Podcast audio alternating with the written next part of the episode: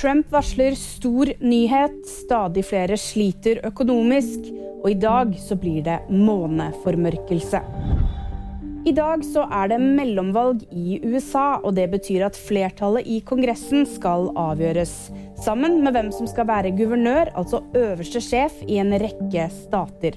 Valget vil avgjøre om president Joe Biden får gjennomslag i sine to neste år som president. Samtidig så vil det gi en pekepinn på om vi står foran et comeback for tidligere president Donald Trump. Og mye tyder på at Trump vil varsle sitt presidentkandidatur veldig snart etter at han i går kveld sa at han vil komme med en stor nyhet neste uke.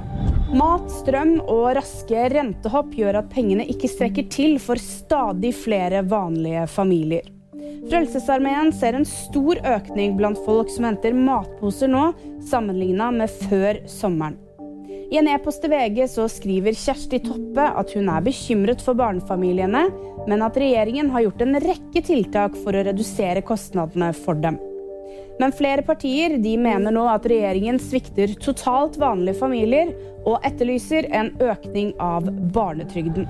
Hvis du er heldig, så vil du i dag kunne oppleve å se noe så sjeldent som en måneformørkelse.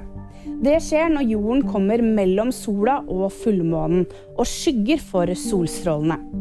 Himmelfenomenet kan skimtes fra nordøstlige deler av Troms og Finnmark, men best opplevelse får du om du bor på Svalbard.